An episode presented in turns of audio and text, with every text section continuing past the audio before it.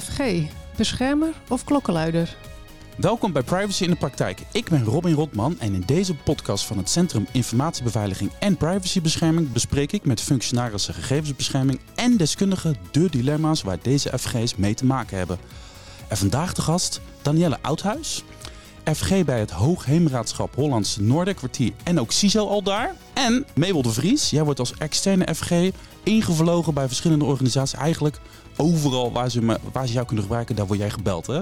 Ja, klopt. Ja, Danielle, beschermen of klokkenluider, dat is nogal wat.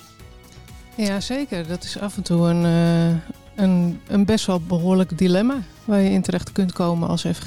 Wat, hoe, ziet dat, wat, hoe, hoe is dat als je in één keer in een situatie terechtkomt dat je denkt van... Oh, ik, ben, ik, ben, ik moet ineens gaan klokken luiden of zo. Dat is toch onhandig?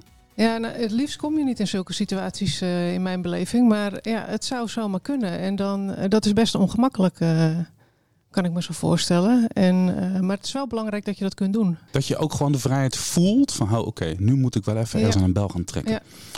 Is er een reëel scenario, Mabel? Ik denk dat je goed moet nadenken wat het effect is als je het doet. Ah, okay. En daar schort het heel erg aan. Mensen vinden dat ze klokkenluider moeten zijn, oh. maar overdenken niet de risico's die daarmee gebaat zijn. Of die daarmee eigenlijk nog groter worden dan alleen maar het klikken op het AVG-stuk. Klikken, ja, wat hij zegt. Wat, wat, wat zegt de AVG hier eigenlijk over? Wat, wat, wat, wat wordt er van je verwacht als uh, FG? Uh, naar mijn weten staat er in de AVG niks over uh, klokkenluiden. Hoe interpreteer jij het zelf? Want er is natuurlijk heel, het is een nieuw vakgebied. er is heel veel ruimte. Mensen voelen ook heel veel ruimte. Hoe, wat vind jij zelf eigenlijk? Um, nou, in de AVG is wel een heel belangrijk onderscheid gemaakt tussen de rol van de FG en de verwerkingsverantwoordelijke. Mhm. En uh, ik zie het als mijn rol uh, als FG om te wijzen op risico's. Uh, maar als een verwerkingsverantwoordelijke dat naast zich neerlegt, dan, dan is dat hun verantwoordelijkheid. En um, nou ja, ik denk dat, dat je pas gaat klokkenluiden op het moment dat je echt denkt: hé, hey, hier is de integriteit in het geding. En ik denk dat je heel veel kunt doen voordat je op dat punt terechtkomt. Um, dus ja, ik hoop dat je nooit in die positie hoeft te komen als FG. Um, maar het is wel goed om te weten dat die mogelijkheid er is. Heb je wel eens zoiets meegemaakt zelf dat je in die positie kwam? Misschien in, in je huidige uh, baan of misschien eerder? Heb je wel eens, heb je wel eens op die T-splitsing gestaan? Nou ja, niet in de zin van klokkenluiden zoals uh, Mabel dat ook schetst. maar wel in de zin dat ik denk, hé, hey, hier ga ik wel even escaleren. Kun, kun jij omschrijven waar dat toen over ging? Nou ja, dat ging om uh, het gebruik van gegevens voor een ander doel dan waarvoor ze zijn verzameld. En uh, dat is wel weer een aantal jaar geleden. Toen was het allemaal nog vrij uh, nieuw.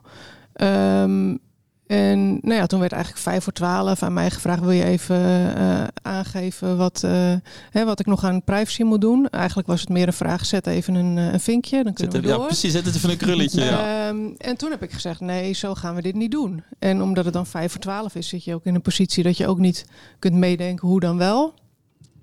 Uh, dus dat was wel even een vervelend moment. Want dan worden wel, uh, ja, dan, dan ben je best vervelend uh, naar de organisatie natuurlijk. En dat is ook mijn rol. Dus dat vind ik ook helemaal niet erg. Um, alleen je komt wel heel snel in een escalatieprocedure terecht. Herkenbaar mee, Bol, dat je op het allerlaatste moment even geacht wordt om een vinkje te zetten. Jij, jij lijkt me niet het type dat, dat zomaar vinkjes zet. Maar is dit nee. herkenbaar? Nou, zoals ik, ik, het, het verschil tussen een interne FG, dus iemand die in dienst is, en iemand die extern is. Ik merk steeds vaker dat daar een verschil zit. Als iemand mij zo de duimschroeven aandraait, dan geef ik de FG-schap terug. Zeg, ga me uitleggen waarom je FG opstapt. Maar ik schrijf eerst netjes een memo om uit te leggen wat het effect is van zoveel duwen. Want dat 2 voor 12 is heel vaak fictief omdat ze het hebben laten liggen. Of omdat de accountant in één keer over drie weken op de stoep staat. Iedereen in dikke paniek. Ik denk dat als je met ze meedenkt van waarom is het nu 2 voor 12 en waarom is het nu niet half 12, dan heb je daar, dat is de-escaleren. En dan helpt dat helpt heel vaak. Heel vaak gaat dat goed. En als je ze dan ook uitlegt wat de risico's zijn van dat vinkje alleen maar te willen zetten. En als je doorgezaagd wordt bij controle, dat je dus gewoon een heel slecht verhaal hebt.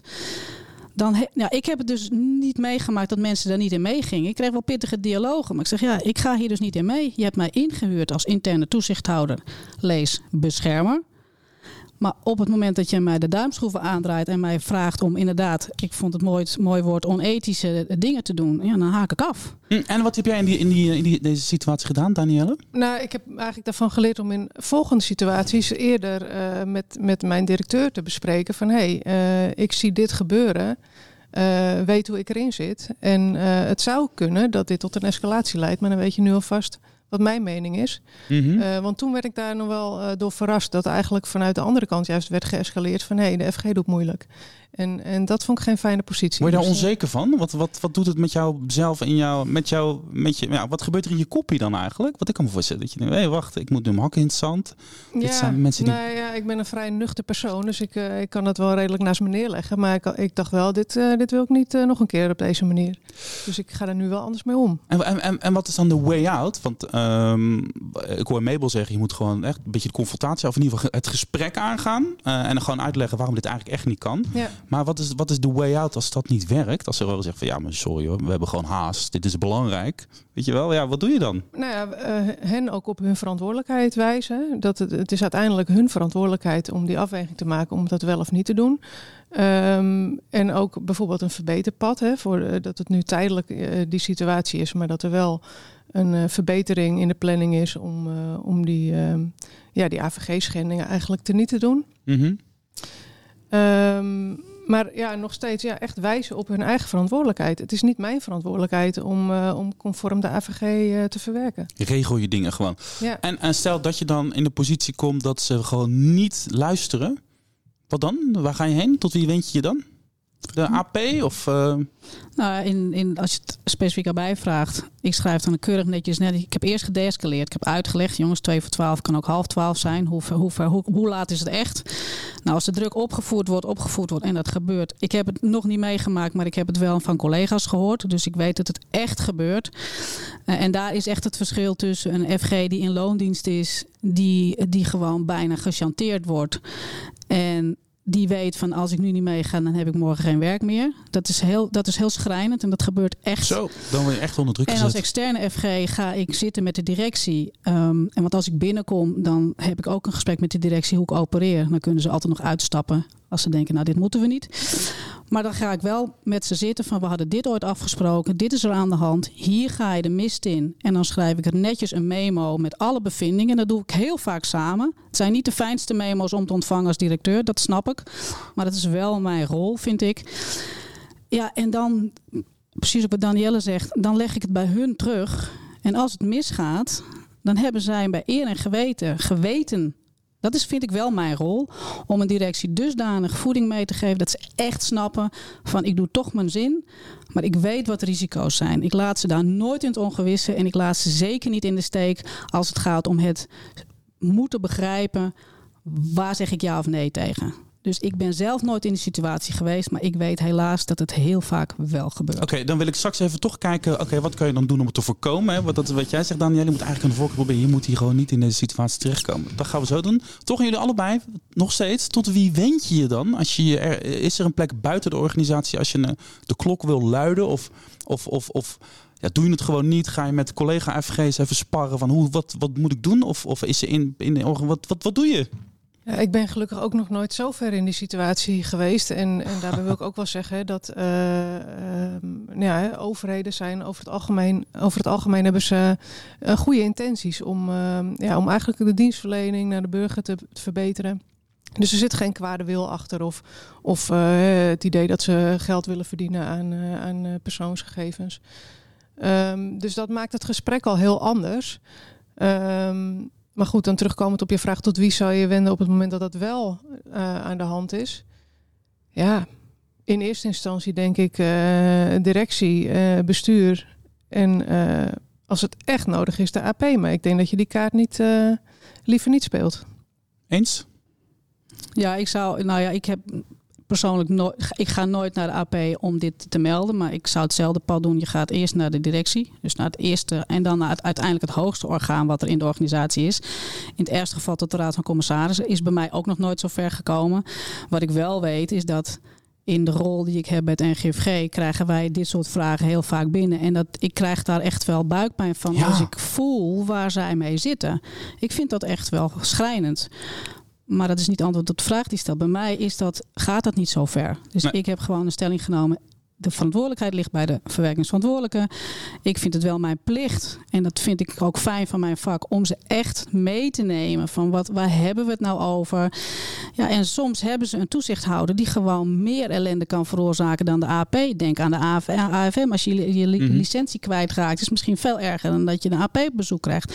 Die stoel kan ik niet op gaan zitten. Vind ik niet mijn plek. Maar ik vind wel dat ze moeten afwegen. Oké, waar doet het het meeste pijn? Heb je erover nagedacht? Nou, het is verbluffend hoe fijn ze die dialoog vinden. Ondanks dat het soms hele nare gesprekken zijn. Maar dat ze daarna wel denken, nou, daar hebben we nog nooit over nagedacht. En dat vind ik ook een rol. Dus dat is niet alleen beschermen van de gegevens, maar beschermen van de bedrijfsvoering en de mensen die ook echt geholpen moeten worden. Want we doen wel alsof het alleen voor FG's nieuws is, maar het is ook nieuw voor alle mensen in de bedrijfsvoering. En ik heb het gevoel dat dat heel vaak vergeten wordt. Dus daar vind ik ook een rol van de FG om ze mee te nemen. Hier hebben we het over. Oké, dus dat is jouw verhaal eh, tegen die mensen die zich met een beetje angst en beven tot, tot jou, eh, eh, die zich bij jou melden dan. Dan zeg je, oké, ga met ze in gesprek, schrijf die memo, hè, zoals Ja. je dat zelf ook gedaan Ja. hebt. En bewijs ze gewoon op wat er allemaal gaande is. Oké, dat is een, het scenario klokkenluider. Maar Danielle, dat, die wil daar gewoon helemaal niet komen. Hè? En jij Nee. vertelde net over dingen die je hebt geleerd om te, om te voorkomen dat het zover komt. Noem eens wat dingetjes. Hoe, hoe zorg je er nou voor dat je gewoon dit dilemma dat het gewoon niet op je pad komt? Wat, wat, wat zijn de concrete maatregelen waarvan jij zegt dat heb ik gedaan en ik voel me er wel senang bij eigenlijk. Ik, hoef, ik wil dat mailtje helemaal niet sturen naar Mabel. Nou, eigenlijk zo vroeg mogelijk in het proces betrokken zijn. Dus zorg dat je, dat je tijdig aan tafel zit om mee te denken. En ook om, om eh, te laten zien aan de organisatie hoe eerder je over eh, privacy nadenkt, hoe makkelijk het te integreren is in je ontwerp. Want heel vaak merk je dat, ehm, dat als je dat later doet, hè, dus eh, half twaalf of vijf voor twaalf, ehm, dat er dan al zoveel keuzes zijn gemaakt dat je eigenlijk niet meer eh, privacyvriendelijke oplossingen kunt kiezen. Want dan is dat al eigenlijk al besloten. Dus dat is één. Je zorgt gewoon als je er maar een beetje lucht van krijgt. Als je maar een beetje het gevoel Ja. van hé man, er gebeurt hier iets in de organisatie van ik denk van iets met privacy. Ja. Op de deur kloppen Ja. en zeggen oké, ik, ik wil er nu, ik wil meepraten nu. Ja. Dat is één. Oké, wat, Ja. wat kun je nog meer doen om te zorgen dat je niet dit dilemma op je pad krijgt? Ehm, nou, vooral aangeven hoe het wel kan. hè, en eh, ook meedenken in hun processen. Heel vaak ehm, hebben ze daar zelf helemaal niet over nagedacht. Over hoe loopt mijn proces eigenlijk? En welke persoonsgegevens heb ik voor welk doel nodig? Hè, je ziet vaak eh, processen eh, waar je op verschillende momenten persoonsgegevens gebruikt. Ja, die moet je allemaal afzonderlijk gaan benaderen. En van oké, wat, is, wat is mijn doelbinding hierbij? En welke gegevens mag ik om welke reden gebruiken? Dat zijn ze vaak helemaal niet gewend om zo te denken. Ja, oké. Nou, Mabel, je moet dus zorgen dat je vroeg in het proces eh, gewoon met je snuffert er bovenop zit. Eh, je moet zo goed bewust worden van je eigen rol en dat dus heel erg duidelijk maken van kom op, dit is, dit is wat ik doe. Dus je moet je echt een beetje, je moet een beetje een tijger zijn. Heb jij nog wat dingen toe te voegen die je kan doen als jij wil voorkomen dat je überhaupt in deze rotsituatie terechtkomt? Ja, ik wil daar wel een, eh, een onderscheid maken dat ik niet in de overheids-FG's eh, positie zit. Mhm. Om meerdere redenen dan één. Ehm, maar voordat ik binnenkom, doe ik altijd een nulmeting. Dat is een voorwaarde voor mij om überhaupt in te stappen. Ik bedoel, drijfzand wil ik best in, maar dan wil ik weten dat het drijfzand is. En dan heb je een plan van aanpak. Jongens, jullie staan er zo voor. Jullie wilden een, een 9,5 zijn. Jullie zijn een 4. Hoe ko- en een 9,5 is misschien te veel. Hè? Gaan we lekker eerst voor een 7. Hoe komen we daar? En dan maak je een afspraak en dat is een plan en dat is een project. En in die fase krijg ik de mogelijkheid, dat, dat, dat is gewoon een voorwaarde dat ik instap. Want het is wel mijn reputatie.